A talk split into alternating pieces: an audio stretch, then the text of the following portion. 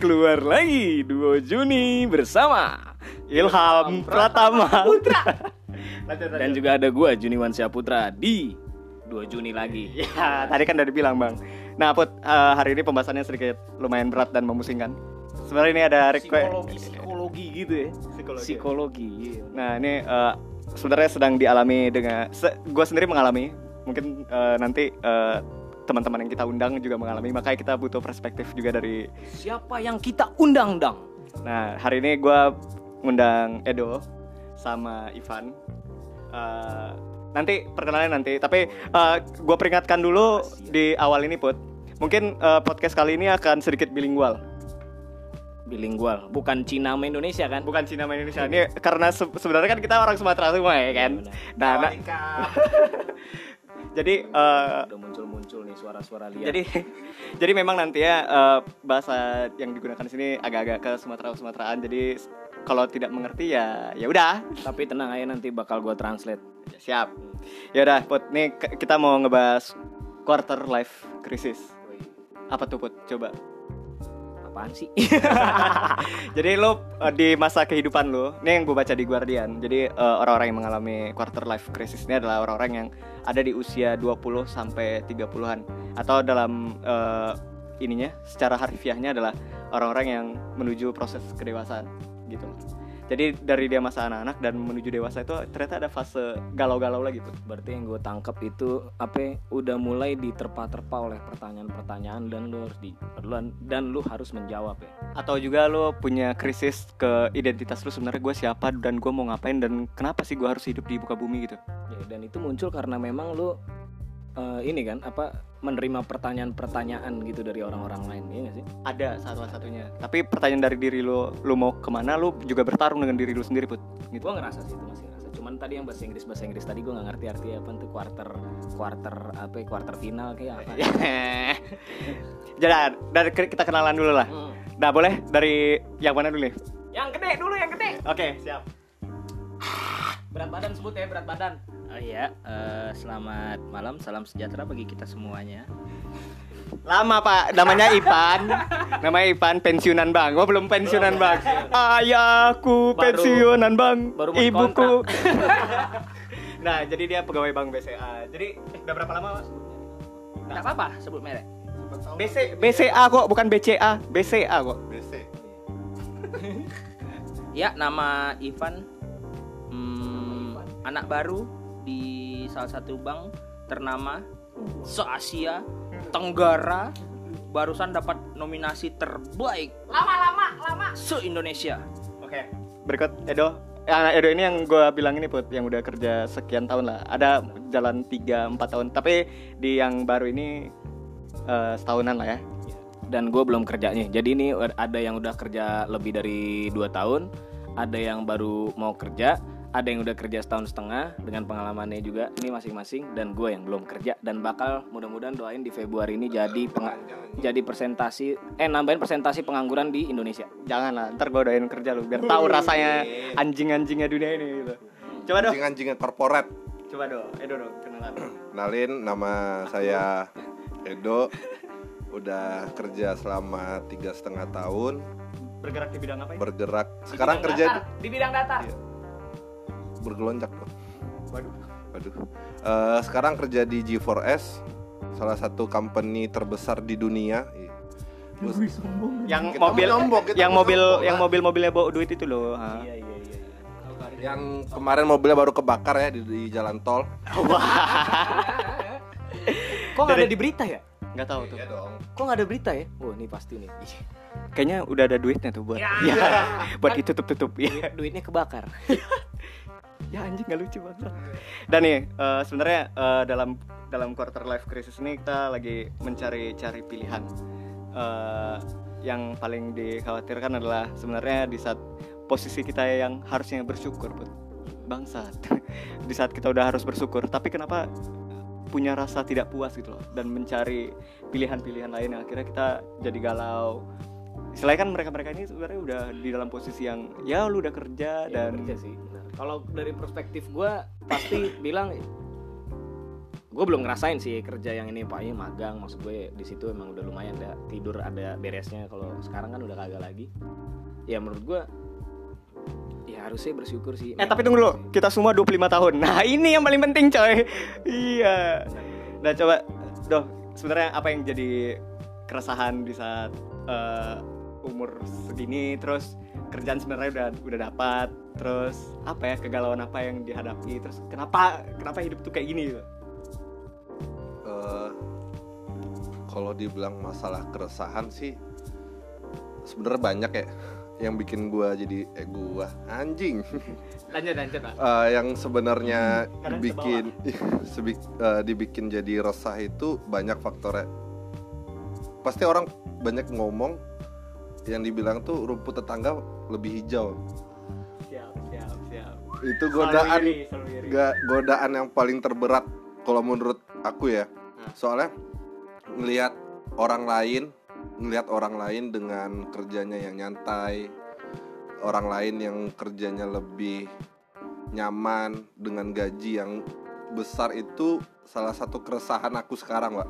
Eh, gajinya besar tapi seumuran enggak sama? Seumuran. Karena ada di kantorku dia baru lulus tahun 2018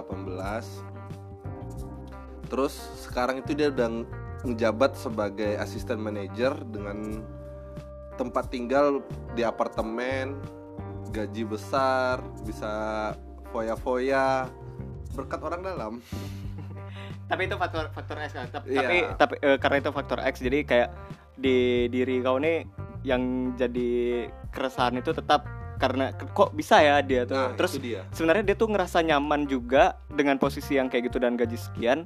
Apa ujung-ujungnya dia tuh tetap nggak puas ya dengan posisi yang sekarang dengan menurut tuh kayak mana tuh? yang membuat resah itu sebenarnya dia belum pantas Iya iya.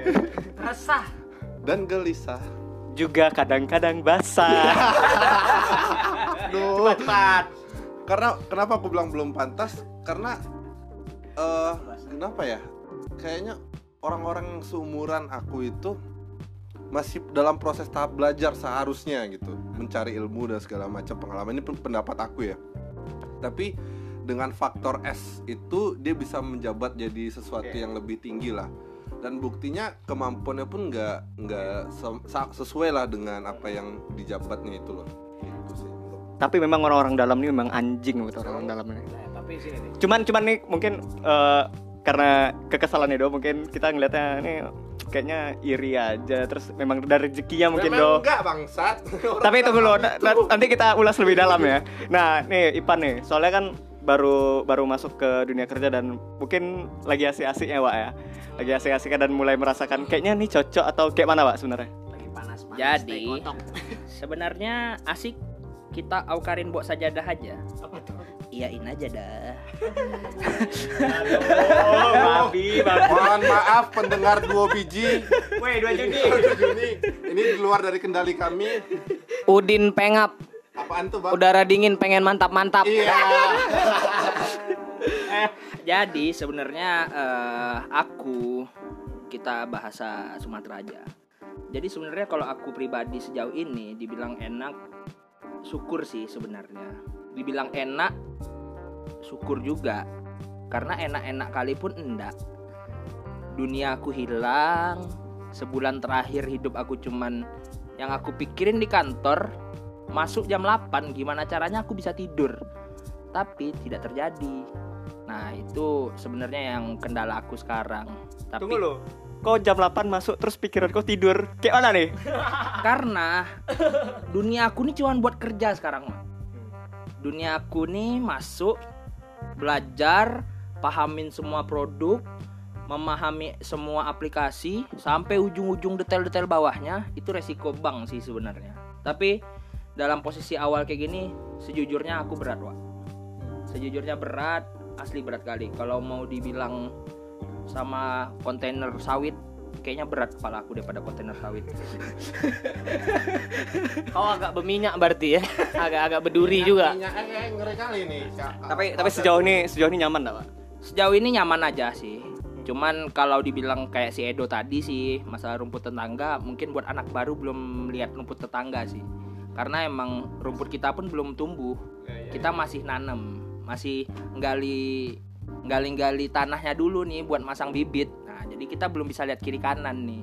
Mau dilihat di sebelah juga masih sama gundul. Teman satu tim ya sama senasib. Jadi kita belum ada iri-irian sih. Kalau bidang yang sama misalkan kawan-kawan di bank lain. Oke, kalau kawan-kawan di bank lain nih seru nih. Sejujurnya aku di bank ini, di salah satu bank ini yang tadi udah disebutin seru sih. Karena training aku itu terhitung cepat, nggak nyampe dua bulan. Karena aku dengar dari temen aku yang masuk di sebelah mereka sampai enam bulan. Bang lu gimana di situ? Asli aku gila kata dia. Lu harus ngejalanin perjalanan latihan enam bulan, dunia hilang. Jujur cuy, lu nggak usah masuk bank deh. Tapi berarti Ivan sifatnya lebih bersyukur dengan keadaan untuk saat ini. Ya, untuk saat ini tapi sementara si sementara si sementara gini si sih, sebenarnya tunggu gini. lo tuntasin dulu nih. Kalau kita mau- tuntasin dulu. apa yang lu mau tuntasin? Tapi si Edo lebih ke yang iri udah mulai kesal sama kondisi dia sendiri akhirnya dia ngeliat ke sebelah terus kekesalannya jadi bertambah terus sebenarnya dia mau cari pilihan lain gak sih? Nah, tapi nanti kita tanya Edo tapi mau ngomong apa? Hah? Cut. Nggak jadi ah. Yaudah. Edo bakal bakal bakal nyari pilihan lain gak kira-kira? Sampai sejauh ini saya mendaftar di job fair sampai 100 lamaran. Enggak enggak. Paling enggak dalam sehari itu ada ngelamar, tapi memang ya, kerjaan yang dilamar itu pekerjaan yang menurut aku nyaman dan sesuai sama keinginanku sih sebenarnya. Dan selama mencari-cari ya belum ada panggilan. Berarti masih cari kenyamanan dan segala macam. Akan mencari yang lebih better lah. Berarti ini kayak Nah, tapi gue menarik nih. hmm, Dia ngomong better, better apa nyaman? Ada yang lebih better, better duit, Lebih better biskuit. better duit, better biskuit. Ya. Sebenarnya lebih kalau dibilang nyaman sekarang gue nyaman put. Gue masuk eh, dalam su- suasana kerja ya. Kayak misalnya ini gue berangkat kerja jam 10-an, masuk jam 10, setengah 10 juga kagak apa-apa, kagak masalah lah ibaratnya gitu. Terus eh, gawe sambil eh, apa namanya? Ya denger-denger musik, teriak-teriak. Iya, bawahnya ada orang. Ya masih masih bisa lah ibaratnya gitu. Tapi mungkin sih bener kata lu eh, kata kau tuh Put. lebih better masalah uang sih sebenarnya. Nah, tadi kan udah ca- si Edo udah mulai cari-cari pilihan segala macam. Terus Ivan masih menggali-gali sebenarnya apa nih mau ditumbuhkan. Itu tuh pengaruh enggak sih? Maksud aku eh, berbarengan enggak sama di saat kau cari kenyamanan itu dengan kau mencari identitas juga. Misalkan nih, aku kerja di perusahaan A, aku enggak nyaman dengan kerjaan aku. Tapi di saat yang bersamaan aku juga nyari identitas aku sebenarnya aku tuh orangnya kayak apa ya? Benar-benar cocok nak kerjaan ini buat aku gitu. Kalau aku sendiri ngerasain kayak ada beberapa identitas diri aku yang akhirnya ndak keluar di tempat ini. Itu yang bikin aku kesal kayak aku tuh orangnya padahal kayak gini. Sementara di tempat aku kerja aku harus Ya, di- Medcom dia padahal pengennya travel, tapi udah ada ada ada. ke pendidikan. Udah ada nih, tolong diamankan nih. Redaktur Medcom. Udah, udah, jadi intinya gitu. Jadi ada yang ndak sesuai karena kayak aku tuh capek jadinya ndak sus- apa ya capek eh, capek apa ya perasaan lah ya duit. Jadi istilahnya terima gaji pun terima gaji sebesar apa pun aku tuh kayak ya udahlah nggak dapet tinggal ya. tinggal puasnya nggak dapet. iya kayak tanggal 28 tuh ya tanggal hari-hari yang biasa aja. Kayak terima duit tuh ya cuman ya alhamdulillah lah bisa bayar kosan nanti makan ada duitnya. Cuman kan ada hal yang lebih apa ya daripada duit tuh maksudnya kita kerjanya bisa fun gitu. Nah berbarengan enggak doh dengan kau mencari identitas kau sebenarnya kau tuh maunya apa dan di mana Jadi pertanyaan apa? eh di saat kau kerja di sini itu tuh berbarengan enggak sama kau nyari identitas kau kau tuh sebenarnya maunya apa terus kau ini harusnya aku ini orangnya kayak gini kenapa aku masih di sini gitu Sebenarnya, Cok, yang menjadi keinginan atau cita-cita aku lah ya. Cita-citaku. Aku tuh pengen jadi orang yang financial freedom gitu. Anjir. gimana tuh Yang ibaratnya Teori apa lagi? sambil ngeos duit masuk ya kan. Lagi tidur duit masuk ya. Tapi karena faktor kebutuhan dan faktor sosial yang menyebabkan aku sekarang harus kayak gini gitu.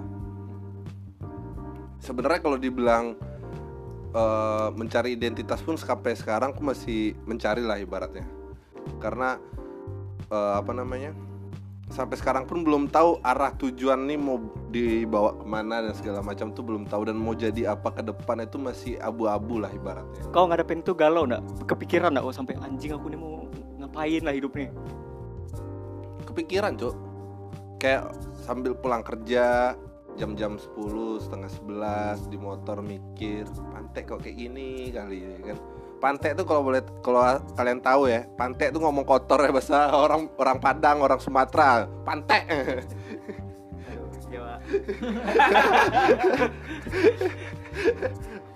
Terus eh, kepikiran ke- kepikiran galau.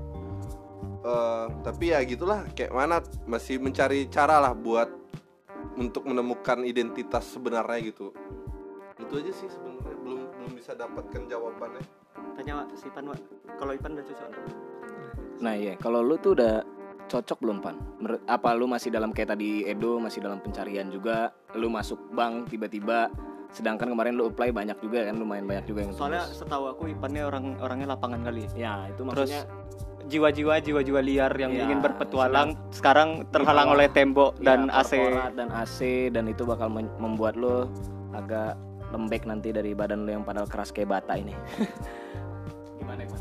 eh kalau bahas itu ya eh, sebenarnya tarik dulu nih tarik dulu nih aku kan orangnya yang kayak tadi disebutin terus ketika keterima di bank ini dengan harus pakai dasi terus baju itu harus runcing gila wa Stri- Pantai ini aja lalat lewat di kemejanya bisa robek perut lalat.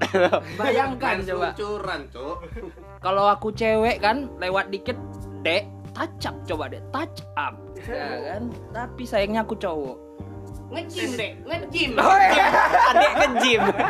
tak kotakan lah kau badan kau tuh Nge-gym deh. tapi kalau misalnya pengen pengen lebih kalau aku mikir pun aku pun tidak pernah terbayang kok aku bakal bisa masuk ke bank bakal berurusan dengan urusan ini di meja kali ya kan di komputer kali kena AC kali ya kan cuman sejauh ini sepanjang aku menikmati ini aku belum terpikir situ karena tiap hari aku selama training ini yang aku pikirin cuma satu gimana caranya aku bisa tidur dengan tenang Masih situ. Pak. konsisten Konsisten dan selalu optimis aku lihat orangnya ini. Sebentar. Optimis dengan tidurnya. Aku harus tidur kata dia. Tapi dulu cita-cita kau apa dong? Ya itu yang ku bilang financial freedom itu di umur 30-an lah. Sampai dulu tuh aku waktu kecil Pak pernah bikin kayak di dinding kamar bi- eh, coretan gitu. Pokoknya tulisanku masih ingat aku. Aku di umur 30 tahun sudah harus memiliki aset sebesar satu miliar, memiliki keluarga yang bahagia. Tapi di umur sekarang rasanya Tapi eh, apa yang kau cita-citakan tuh dengan posisi yang sekarang kira-kira cita-cita kau bakal nyampe nggak harapan kau? aku pesimis sih kak. Tapi memang itu yang terjadi, sumpah itu sedih pak. Sarapan aja masih bolong-bolong kayak mana mau punya aset satu Tunggu, miliar di umur dia 30. cocok nak nih. Apa yang kau cita-citakan dulu tuh apa pak? Dulu cita-cita kau apa? cita-citaku masih tetap sebagai petualang sejati yang gimana aku bisa jalan-jalan aku bisa bahagia bisa ngopi sambil ngerokok depan tenda mau di hutan mau di sungai. Tapi aku kaya. Itu cita-citaku itu dulu. namanya financial freedom Ipan bahasa aku hutan. Gimana nih put? Tapi ini sih maksud gue kalau dari tadi gue tangkap Edo pesimis, dia masih pengen intinya sama lah dua-duanya pengen kayak dengan kesenangan mereka, dengan kesenangan mereka tapi punya duit gitu. Tapi yang gue setelah kayaknya dari pengalaman magang gue ngobrol sama senior-senior gue itu hal yang kayak lu mau tempat kerja yang enak dan dapat duit yang enak itu nggak ada di tempat berbarengan tuh yang kayak kayak gitu tuh. Yang kayak gitu tuh nggak ada di tempat yang berbarengan. Jadi makanya kenapa ada ada quotes apa ada pepatah yang bilang lu kerjain kalau bisa lu kerja dari hobi lu biar lu seneng. Yang kayak gitu dan kalau menurut gua kenapa tadi dia ada kata-kata pesimis? Ini yang tadi kita bahas di apa namanya quarter life crisis tuh menurut gue dia tiba-tiba pesimis. Karena lu yang nanya kalau menurut gue ya P lu yang nanya tapi kok yakin nggak? Kayak gitu. Padahal seharusnya ya dia yakin aja gitu dengan di umur dia 30 tahun. Itu maksud gue yang dibikin quarter life crisis tuh karena dia diterpa banyak pertanyaan nilai-nilai dari orang lain ditambahin ke dia. Kayak gitu sih kalau menurut gue Kalau aku sendiri kalau mau ngejawab nih Put ya. Cita-cita dan harapan aku sebenarnya udah tercapai, Put. Cita-cita aku dari dulu memang cita-citaku menjadi orang kaya. Jadi cita-cita aku tuh dari awal memang udah pengen terjun di dunia jurnalistik. Eh, aku kuliah di jurnalistik, terus akhirnya dapat kerja yang memang dunia jurnalistik jurnalistik. Sesuai dong. Soalnya Tapi ternyata ada satu poin yang tidak ternyata gini put eh, harapan aku menjadi jurnalis itu adalah eh, aku bisa berguna buat banyak orang dan di saat tulisan aku dibaca itu tuh berpengaruh positif. Dan ada info di luar apa ya? Eh, karena kemarin sempat di urusan politik hukum dan keamanan dan akhir-akhir di pendidikan aku ngerasa kayak aduh kayaknya enggak terlalu berpengaruh besar. Yang aku mau tuh kayak eh, tulisan aku tuh tulisan tentang gejala sosial yang lebih dekat ke masyarakat kayak apa ya? Eh, ngasih perspektif cara ngejalanin hidup atau di saat eh, ada ada sesuatu eh, satu gejala di masyarakat misalkan kemiskinan misalkan gitu. Terus cara ngadapi ngehadapin kayak gimana terus apa eh, yang bisa diperbuat segala macam. Human interest lah. Kalau gue boleh nambahin nih kalau gue boleh nambahin kenapa lu merasa jadi kurang kalau menurut gue ya? Karena tulisan itu bukan murni lagi tentang apa yang lu pengen sampein bukan tentang reporter lagi tapi udah tentang apa instansi atau siapa pun itu yang berkepentingan. Kalau menurut gue ya. iya. Kalau menurut gua jadi udah tidak murni lagi. Lu murni bilang ah, gua mau ngasih tahu orang-orang Jakarta bahwa pasukan oranye tuh capek ngurusin puntung lu ngurusin aqua lu yang lu lempar dari kaca mobil puntung-puntung lo atau apa lu softtek lu yang lu sambit lah popok bayi yang lu lempar dari di jalan tol lah maksud gue kayak gitu ya. Tapi sampai di sono nggak dinaikin. Otomatis apa? Ya? edukasi yang buat ke masyarakat lu sampein nggak sampai lebih apa ya lebih menyebalkan itu karena ya itu tadi yang lu bilang kepentingan. Lu gua lebih nge- lebih nge- ngeluarin yang hal-hal berbau kepentingan dari tempat gua aja. Jadi kayak nggak nyampe aja gitu. Terus sebenarnya eh, masalah tekanan yang sebenarnya rasa-rasanya eh produk jurnalistik itu adalah produk seni buat bagi gua. Jadi butuh proses yang panjang dan tidak instan dan eh, istilahnya bukan satu hal yang salah kalau misalkan dikeluarkannya lama ibaratkan kalau kayak dulu majalah tapi kan konsekuensinya lebih dalam. Nah gua tuh lebih yang kayak gitu loh. Sementara hari-hari gua kadang satu hari bisa 8 sampai 15 berita. Terus cuman kayak yang dangkal aja yang penting kerjaan lu beres. Sementara, sementara di di diri gue sendiri itu tuh nggak kayak gini anjing yang pengen gue tulis gitu loh. Nih kalau nggak nyampe. kalau gue pernah nggak gue sih jujur kalau gue ngalamin ya apa namanya cuman gue nggak pernah tahu apa namanya judul-judul bahasa Inggrisnya ini nah. Quarter life apa sih krisis tadi. Kalau gue nggak gini kalau ngomongin cita-cita kayak lu, lu pada tadi. Kalau gue cita-cita di pas gue kecil gue nggak ingat apaan. Gue kayak manusia yang tidak pas kecil tuh tidak bercita-cita gitu kayak ya udah gue naik sepeda gue harus bisa naik sepeda gue minta nenek gue beli sepeda. Terus masuk ke SMP gue pengen anjing yang lain udah pada kepikiran apa nih ya? Udah pada kepikiran masuk SMA harus IPA apa IPS gue nggak kepikiran. Dan hasilnya masuk ke STM STM ternyata gue katung pindah gue ke IPS di IPS teman-teman gue udah ngeh mau kuliah ke mana. Tapi itu sih ya tadi kalau boleh ada satu apa namanya ada satu yang membuat lo jadi mengalami QLC ini karena lu diterpa sama orang-orang ya. Nilai-nilai orang tuh harus lo anut. Nilai-nilai or- orang lu harus anut. Mau itu orang tua temen lu atau apa pun. Kalau gue yang dari orang tua gue ngepres adalah lu harus kerja ya. Adik-adik lu udah nungguin kalau di adat kita memang seperti itu dong. Kalau di adat kita di Indonesia ya lu bantulah adik-adik lu gitu yang ini. Eh, intinya finansial lagi. Kalau sekarang gue kayaknya gini sih.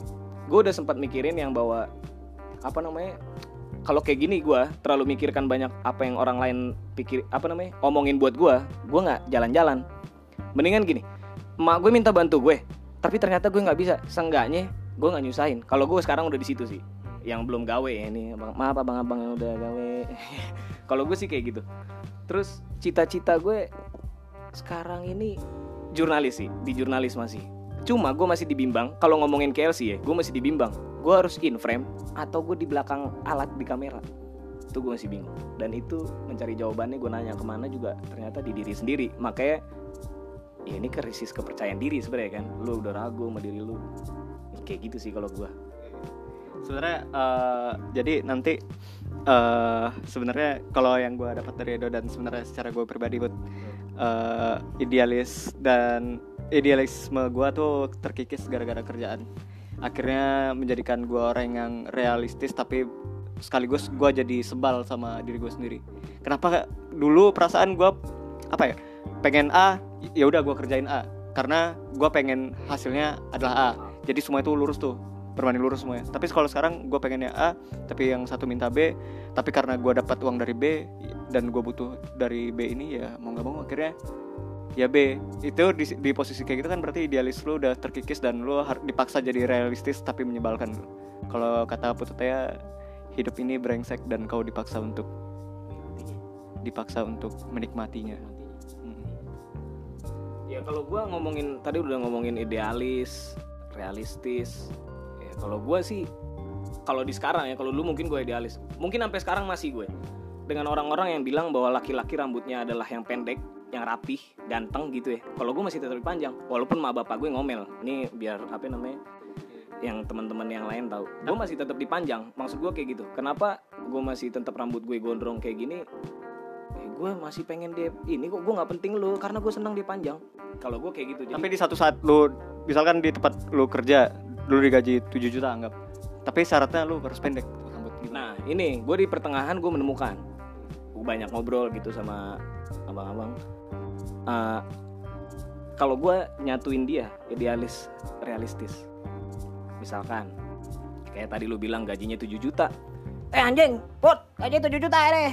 Rambut lu potong ya ya kalau 7 juta dengan realistis yang dengan realistis yang gue hadapi nanti keperluan gue yang lain ya gue kan nggak nggak sendiri mulu kali. Gitu ngente berharap. Iya, tapi gua nggak pernah berpikir kayak aduh hidup gua tuh masih main-main doang put. Masalahnya nggak punya gue ada satu gue menemukan menemukan pas gue baru awal kuliah di Mustopo. Buka bu- hidup gue masih main-main aja. Tapi kalau gue gue udah dikit gue tanemin nih. Kayak "Ah, ini gue nemu pas lagi bengong di kelas tuh. Eh, boleh main tapi bukan waktu yang main-main. Kalau di gue ya kalau di gue udah ngeh itu sih. Mudah-mudahan dengan gue belajar eh apa jalan di on the track yang ini yang gue dapetin. Tapi semoga lo akan tetap kayak gini walaupun nanti dihimpit oleh tuntutan pekerjaan lo yang kayak bangsat. Tapi tapi gue berharapnya gitu sih. Semua orang kan pengennya kayak gitu ya. Semua. Harap- orang. ya. Nah gua gua tuh lebih yang ke apa ya gue masih mencari kewarasan gua bagaimana gue tetap idealis dengan eh, istilahnya is- bagi gua di saat lu mempertahankan idealisme lu itu berarti lu sedang menjaga kewarasan lu Eh, di saat eh, memang konsekuensinya uang eh, tantangannya adalah pendapatan uang itu tuh kayak jadi poin kedua buat gua. Entah itu mungkin karena eh gue tuh yang tadi karena pikiran gue tuh masih pengen main-main terus juga gue belum cobain ini gue masih muda. Terus kayak karena gue masih muda berarti harusnya ini gue manfaatin untuk cari yang bener-bener oke di gue gitu loh jadi makanya kayak gue tuh pengen coba sana sini lagi gitu segala macam Tapi kalau gue ngelihatnya kalau Edo sama Ipan, kalau kita ngomongin idealis sama realistis, kalau mereka orangnya realistis berdua, karena mereka back backgroundnya anak ekonomi. coba itu gimana kau Soalnya- tuh soalnya tadi dia bilang udah apaan? Financial freedom udah, udah, ya udah realistis aja. Cuman dia dia bisa tetap, gue cita-cita gue financial freedom, tapi gue tetap aja, ya udah gue bagiannya duit, realistis mereka. betul lah dong Iya tadi. Kalau gue pengen pindah ya karena duit, ya itu benar. Berarti realistis anak-anak ini berdua. kalau dibilang idealis sih sebenarnya eh, di dalam nggak jadi gini put. Kayak di kerjaan gue sekarang lah. Gue tuh kan seorang cost estimator ya. Jadi ada di mana kita harus benar-benar real menggambarkan suatu suatu apa namanya ya suatu eh, margin lah margin di dalam suatu perusahaan. Tapi ada satu kala yang kayak kayak kau kayak PP gitulah yang eh, dia pengen menampilkan atau menggambarkan yang kenyataannya seperti apa tapi itu nggak bisa. Nah kayak gitu juga gue di dalam kantor tuh sering banget. Kayak misalnya ini margin sebenarnya nggak bener gitu. Ini margin minus gitu. Tapi kayak mana caranya orang atasan ini bilang udahlah pandai-pandai kau aja kayak mana atur supaya ini margin kelihatan bagus. Biar nggak ribet. Nah di situ kadang apa gue apa aku kerja kayak gini kali gitu disuruh-suruh atau dituntut memang untuk memanipulasi data gitu.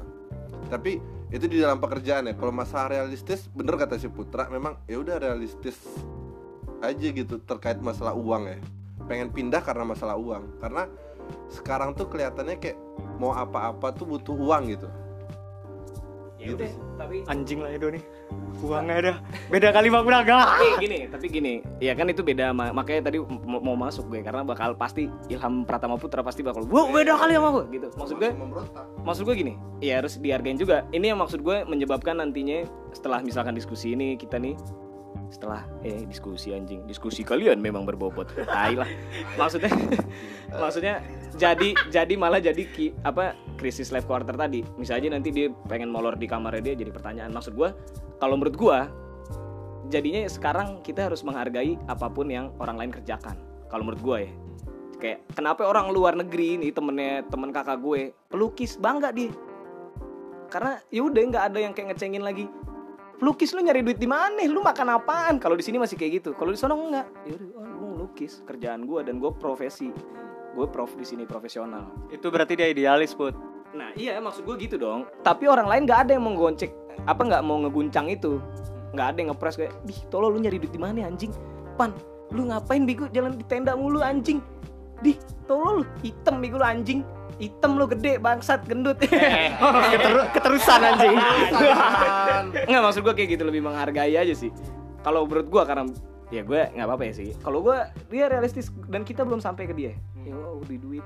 Tapi pak kau idealis atau realistis untuk ke depannya ke depannya aku pun bingung. Sebenarnya aku nih idealis atau aku pun realistis? Idealisnya gini aku mikirnya kalau dibilang idealis background kuliah aku masalah uang uang aku masuk. Aku dapat kerja di bank sebenarnya masuk Se- masih sejalan. Terus kalau dibilang re- realistis butuh duit sebenarnya enggak sih sekarang. Cuman kadang aku mikir. Orang kayak siap kakanda enggak maksudnya gini aku bukan butuh sih butuh butuh. Cuman dalam posisi ini aku kayak masih mencari jati diri apakah aku harus realistis buat sekarang? Kalau aku realistis sekarang kayak aduh ini gairah aku buat menyalurkan apa yang ada di aku nih harus lebih gitu. Soalnya gini kalau dibilang idealis aku masih idealis. Background aku masih keuangan terus masuk masuk ke sini masih sejalan.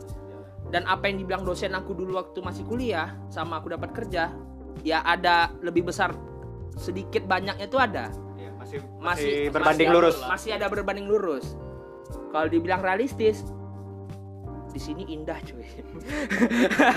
Apanya nih rok rok pendek cewek bang ini apa? Celana bahan. Celana bahan. Tapi tapi Pak, target kau ke depan sebenarnya apa Pak? target aku sebenarnya aku bakal jalanin dulu. Senyamannya aku aku nggak tahu. Kalau dibilang bakal dua tahun bakal tiga tahun. Tapi target aku sih sebenarnya cuman aku bisa sampai di tiga tiga step sih. Jadi sebenarnya gini kalau di di bagian aku ini ada tiga step dulu dalam satu tahun kalau aku bisa ngejar tiga tahapan ini.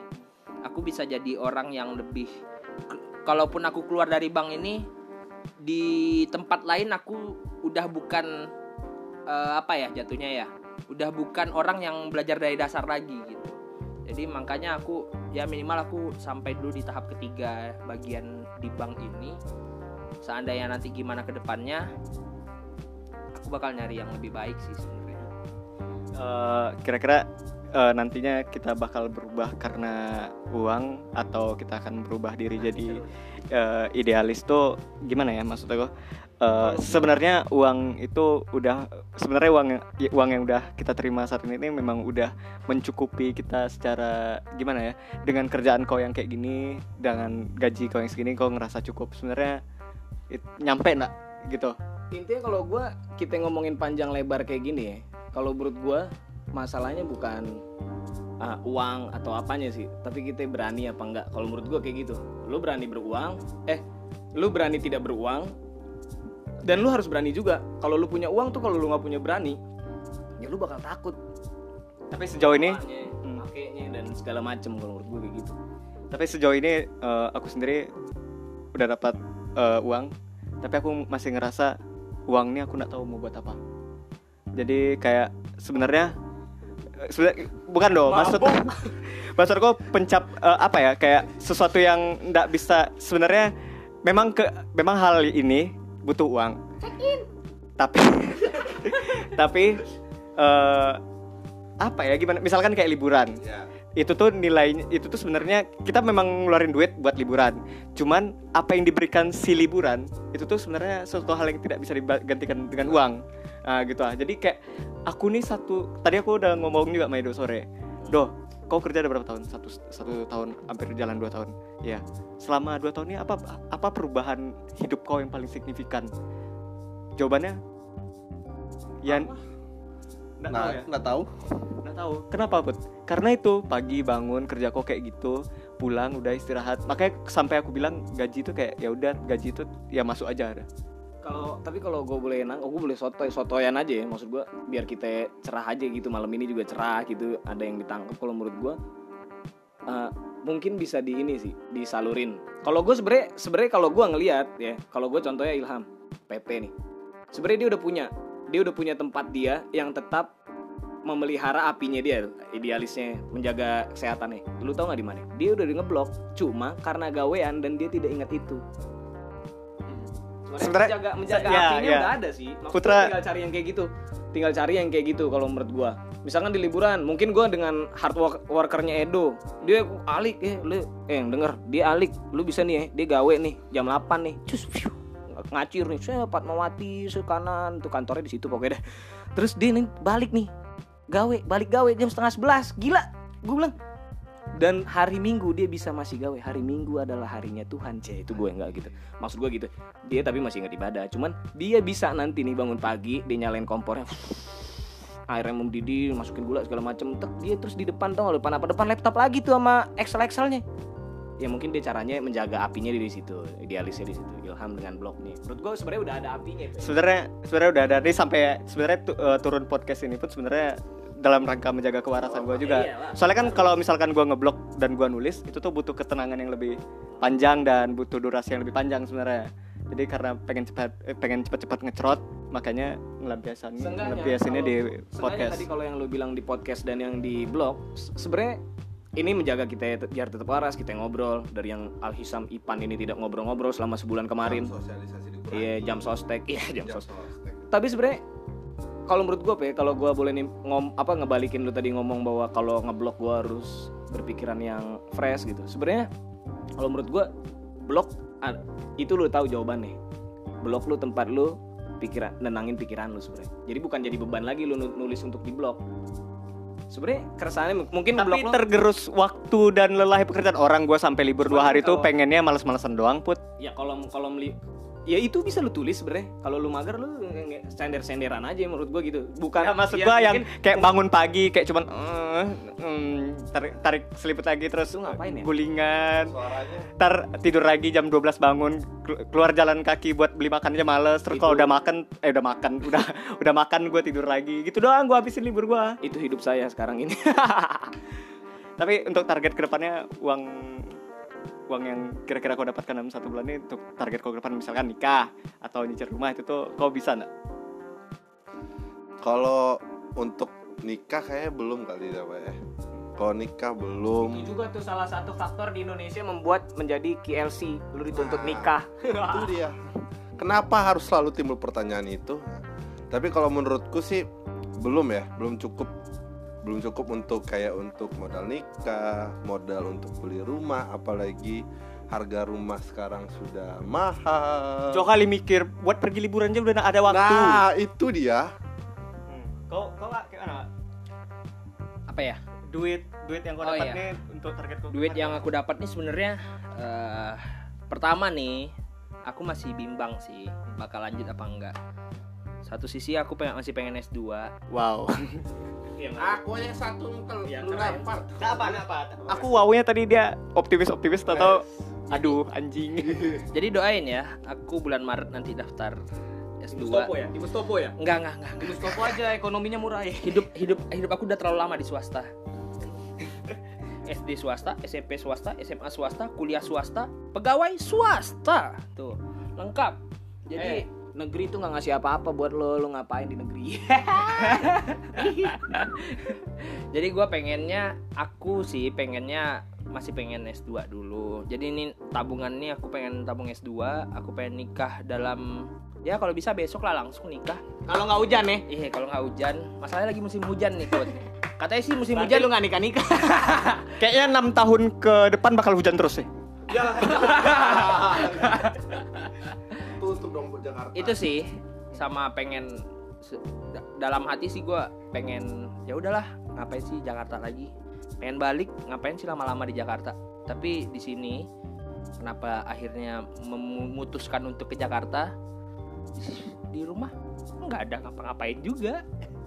Tapi duit duit yang kau dapat nanti dari bank ini kira-kira akan mencukupi nggak untuk kehidupan kau mempertahankan idealisme kau untuk Kalau- jalan-jalan kalau- dan kalau- nikah. kalau masih tetap di bank dalam tahapan 2 tahun kalau aku tuntaskan tiga level itu cukup Tiga level tingkatan di tempat kau kerja ya. tiga tiga tingkatan di tempat aku kerja di bidang ini nanti karena kan tiga tahapan ini nih dalam masa 2 tahun nih jadi kalau udah lewat 2 tahun beda tahapan lagi nah kalau di tahap tiga tahapan ini selesai 2 tahun sih cukup sih untuk anak anak eh, untuk istri satu anak dua selir satu.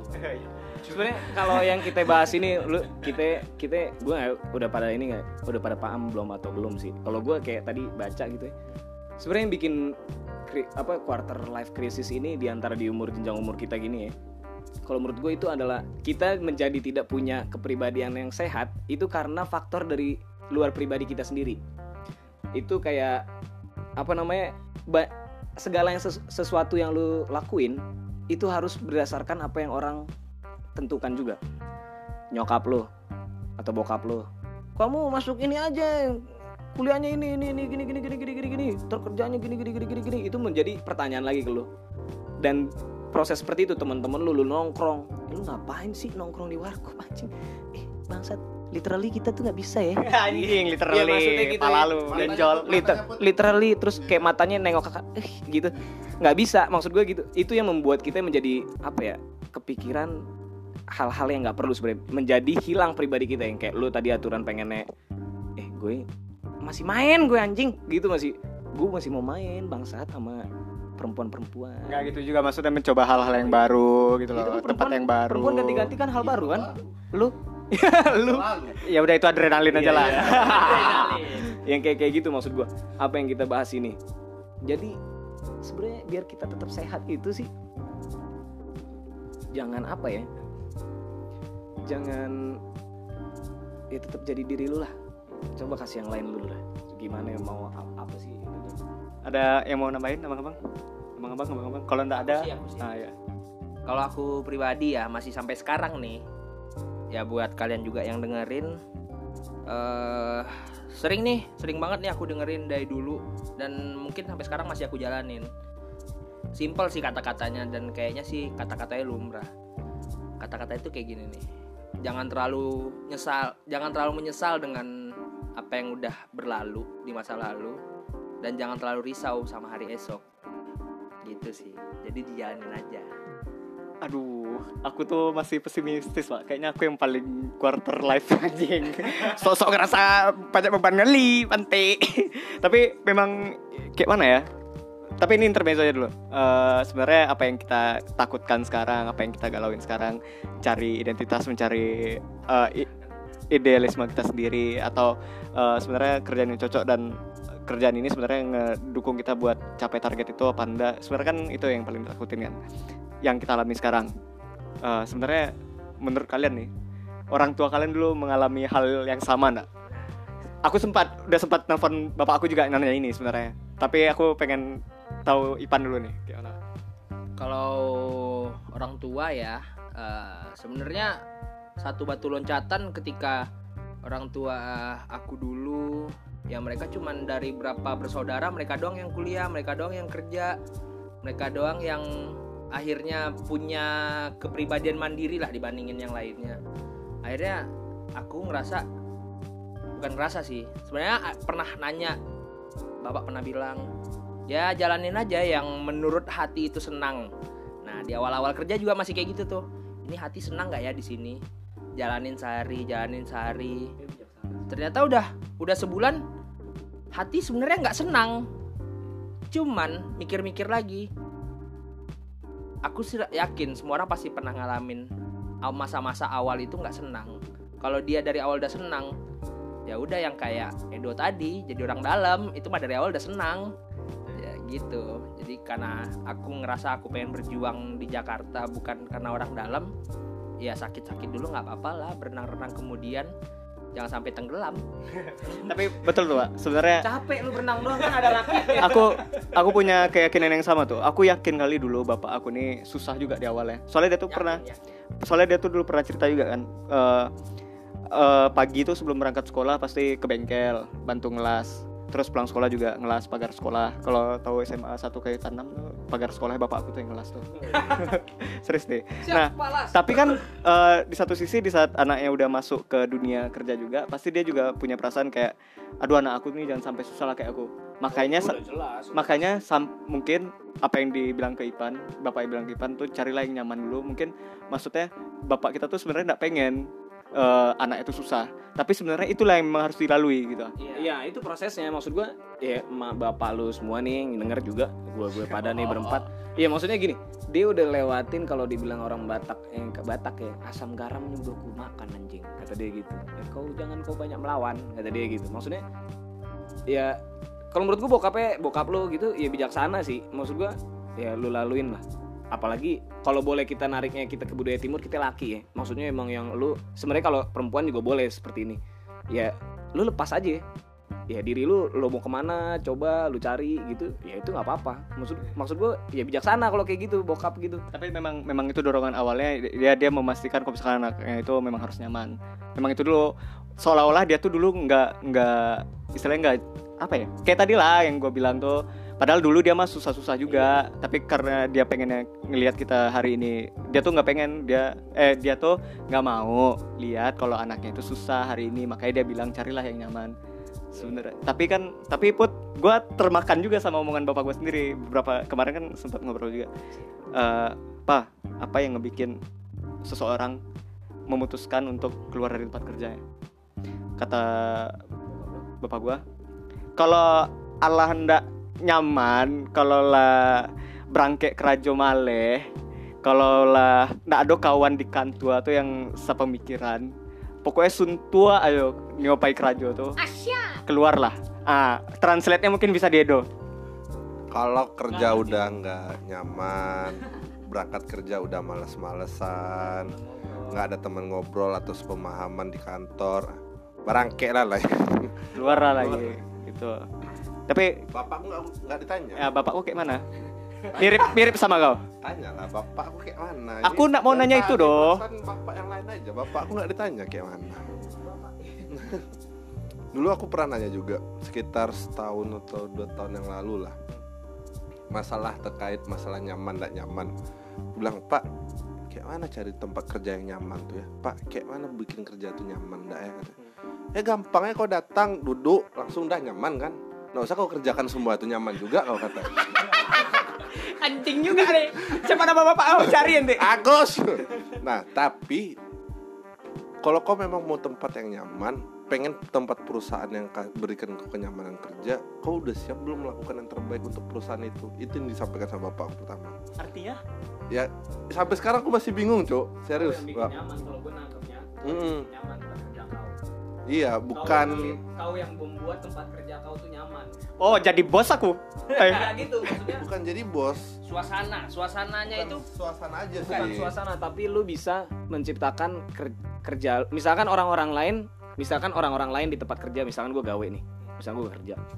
Ini orangnya semuanya fokus dengan kerjaannya masing-masing misalkan gue ngeliat gue ngeh oh yang ini makannya di mari makannya di mari makannya di sini di sini gini gini gini. Nah dari situ mungkin gue bisa bikin nyaman. Gue tempat ngobrol dia gue ajak ngobrol dia tempat situ. Mungkin gue bisa bikin ruang lingkup mereka yang tadinya seperti itu diam-diam fokus dengan kerjaannya tapi dengan hadirnya gue dengan gue pengen gue bikin nyaman di tempat kerja ah gue bikin aja pada ngobrol. Kayak gitu jadi kalau gue kayak gitu. kalau yang sendiri. aku udah tangkap sampai sekarang ini ya kita sendiri yang nyi- nyiptakan kenyamanan itu gitu kalau aku tangkapnya terus yang kedua pernah juga kutanya Tapi tetap eh, tanggung jawab kau selesai ya. selesai maksudnya Iya kan kalau misalkan udah nyaman nanti tenyaman kali semena-mena belah ya kan. Tidak mungkin belah. Kalau Edo tuh dia udah nyaman pasti diselesaikan sama dia. kok gitu anjing nggak ada Tapi betul tuh kalau udah asik, asik aja. Iya, goyang aja terus sakitnya di awal doang. Iya. terus tanya kan pak kayak mana cara ngejar tempat yang lebih enak tempat yang apa terus bapakku tuh cuma ngomong kalau kau memang mau tempat yang lebih baik tempat yang lebih tinggi dari yang sekarang kau perlu jongkok dulu baru untuk menggapai itu itu nak ngerti juga aku maksud bapak Anjing, bapak ini filsafat nak.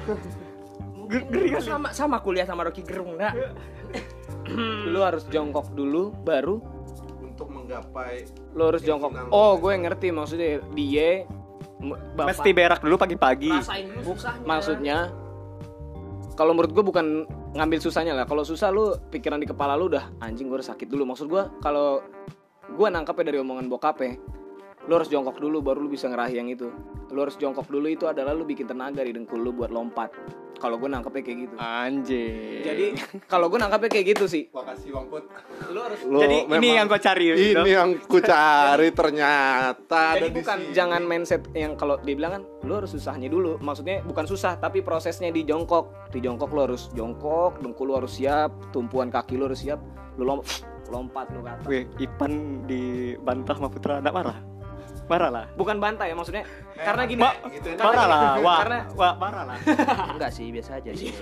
Karena gini maksud gua kayak karena menurut aku eh, secara realistis kehidupan kalau dari jongkok dia itu berdiri dulu duduk dari jongkok duduk dulu terus dia berdiri dulu. Aduh, nah, pusing itu baru jalan dulu karena dia pakai step. Karena ini ini yang pengen gue rubah. Karena dia mikirnya itu step dan stepnya susah.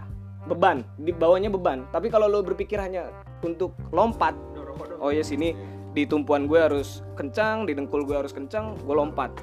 Ya, Karena boleh lah. gini juga. Sujiwo Tejo pernah ngomong pe kenapa apa yang bikin anak-anak Indonesia itu nggak suka MTK karena dari awal lu dibilang ngitung bukan dibilang ngebaca. Padahal lu cuma ngebaca dan hurufnya diganti angka itu doang. Sama kayak gini lu disuruh jongkok kalau dia bilangnya susah tapi ini bukan kalau gue ganti bukan susah tapi tenaga tenaga harus lu simpen di kaki boleh tenaga dulu Wih, keren keren. Betul betul betul betul. Tapi enggak apa ya, Pak ya? Ipan kalah hari ini. Sumpah enggak apa kalah. Soalnya gini, soalnya eh, dia kan anak anaknya Pak Agus. Ah, anaknya udah ACC. Jadi kau harus terima, ya kan? Iya, iya, benar, benar. Iya kalah aku juga tapi persepsi aku tetap gitu Ke- wih, keren lo loncat-loncat lo. ibaratnya simpulkan juga kalau kau ibaratnya ingin menggapai itu dengan cara melompat dari berdiri itu lompatan kau nggak bakal tinggi lu tenaga lu kurang Ini diri nih, ini diri. Ini gue lagi diri nih. Segitu doang. Tapi kalau lu dari jongkok lu tinggi. Wih, lantai goyang-goyang nanti Ada ini. ibu kos, ibu Tapi kos, ibu kos lagi di Belanda selalu. Tapi eh, ibu kos sampai Belanda ya ada eh itulah kau. Eh, jadi sebenarnya eh apa ya? Balik ke tema besar quarter five eh, versus versus ini. Eh, memang di tahap umur-umur sekian ini memang ada yang galau, ada yang capek, ada ada ya ya. Ada yang gelisah, ada yang resah. Sebenarnya target basah. target target gue nyampe apa enggak ke depannya segala macam berarti dengan ada empat orang di sini berarti memang itu adalah hal yang lumrah terjadi dan ya memang harapan itu selalu ada dan bagi gue orang yang punya harapan tuh masih waras tuh Intinya emang lu emang lu emang lu harus berharap terus sih, tapi jangan berharap sama manusia. Karena kalau lu berharap manusia, manusia tuh lu bisa baik, bisa jahat tiba-tiba, bisa baik lagi, bisa jahat. Itu udah manusia ya. Lu berharapnya kalau gue beragama Kristen, ya gue berharap sama Tuhan Yesus. Misalnya kayak gitu. Ya lu berharap sama lu berharap sama apa keyakinan lu masing-masing juga. aduh nggak salah lagi nunggu salah nih tadi Ya mana nggak salah dong. Nggak salah. karena dia membawanya ke dalam bidang agama itu tidak mungkin salah kalau salah kita nanti diteror aduh Jangan. Jangan sampai masa gitu suara podcast kita jangan sampai jadi itu ya tuh wajar jadi sebenarnya eh, kita tuh masih mencari-cari gimana cara keluar dari krisis Gua ini. gua Nama, namanya namanya juga krisis ya kan. Jadi memang harus diatasi gitu loh. gue ada jawaban Ya, buat ada. buat yang tadi yang buat pertanyaan-pertanyaan sebenarnya gue ada udah jawabannya cuman kalau emang yang lain punya closing statement nih silakan Oh ya, boleh boleh. boleh kan Boleh. Ini udah udah kelas nih. boleh kalau Jadi- menurut gua, jadi memang wajar ya? Memang wajar. Dan itu memang bukan harus dilalui sih. Ya memang seperti itu sih hidup. Jadi kayak lu lahir ntar ke, lu hidup tuh kayak bilangnya kayak roda sih kalau orang-orang kayak gitulah Lu di atas dan bakal lu balik lagi. Lu balik bakal balik lagi ke rahim. Tapi rahimnya rahim bumi nanti setelah kita hidup nih. Lu lahir dari rahim mak lu balik lagi ke rahim dunia ini. Seperti itu. Oke Ivan closing statementnya boleh Udah sih tadi ya. Oke. Yang pastinya masalah quarter life crisis ini pasti akan terjadi dan pasti akan dihadapi. Jadi buat kalian anak-anak ABG ABG labil yang selalu memfoya-foyakan menghambur-hamburkan waktu dan uang kalian sudahlah mulailah untuk menapaki atau memikirkan terkait masalah kehidupan kalian ke depannya. Itu aja sih kalau dari aku sebenarnya dari aku sih. Aku baca-baca dan menyimpulkan. Biar biar kayak orang pintar ya kan? Iya. Jadi jadi sebenarnya untuk eh, menghadapi quarter life crisis ini yang gue baca adalah mengalah dan bernego mengalah dan bernegosiasi dengan tujuan itu tuh nggak apa-apa. Karena eh, apa sih ini? Gue nulisnya ulang ulang ulang. mengalah dan bernegosiasi dengan tujuan itu tuh mencegah keadaan menjadi rumit. Ya. Caranya gimana? Mustahil coy. Caranya itu mustahil ternyata. Karena seseorang itu harusnya sadar nggak selalu mendapatkan apa yang dia mau. Itu kita harus berpegang pada itu. Nggak semua yang kita pengen tuh kita mau. Iya. kalau Gitu gua kan udah closing tadi. Gua belum gua belum. Kalau Eh, gua ada tambahan lagi satu Oh, nih iya. kalau gua ada tambahan lagi. kalau gue ada tambahan. Jadi kalau menurut gue untuk ngatasin ini QLC ini lo harus jadi diri lu sendiri. Lu nggak usah ba- patokan dari diri diri orang dari diri diri orang lain lu harus ini. Dan akhirnya lu bakalan lu evaluasi diri lu dengan baik dan lu bakal menjadi yang lebih baik lagi. Dan tambahannya adalah kalau Pramudia boleh bilang boleh kan udah dibilang. keberanian itu bukan anugerah tapi hasil latihan hidup sehari-hari. Keberanian itu sama seperti otot manusia. Kalau tidak dilatih akan jadi lemah. Dalam hidup ini kita menghadapi banyak tantangan. Latihan pertama adalah jangan lari hadapi semuanya. Itulah cara untuk melatih keberanian seperti itu. Dan kita harus berani menghadapi hidup yang tanda tanya ini. Sekian dan terima kasih. Eh udah belum udah tadi kan. Oh ya udah. Karena udah udahan semua. Lama-lama. Eh, sem- pokoknya semua yang dibicarakan di sini adalah eh, opini masing-masing dan punya subjektivitas masing-masing dan mengalami pengalaman masing-masing. Kalau mudah-mudahan ada yang mewakili lah dan kita menjadi manusia yang lebih sehat lagi. Dan Tidak untuk menyinggung satu sama lain. kayaknya Pekerjaan masing-masing. dan ingatlah quotes dari bapak kalian masing-masing. ya itu penting itu penting itu penting Wajar sih buat ditanya. Jadi eh, kita kembalikan diskusi ini ke kalian semua, ya kan? Iyalah. Soalnya kan harus balik lagi lah Nah, soalnya diri sendiri tapi kita nggak ngejudge gitu aja Iya, iya. Dan memang ini memang rumit dan harus lewati. Ya udah buat eh, untuk podcast KLC anjing udah kayak ISK Rukiah Kayak Rukiah yang gitu bukan TV, ya? TV satu ya Oke. Oke, makasih buat Ivan dan Edo sudah hadir hari ini. Oke. Ya udah. Gua Ilham Pratama, gua Juniwan Syahputra Sinulinga kita pamit undur diri 2 Juni. Hicikibir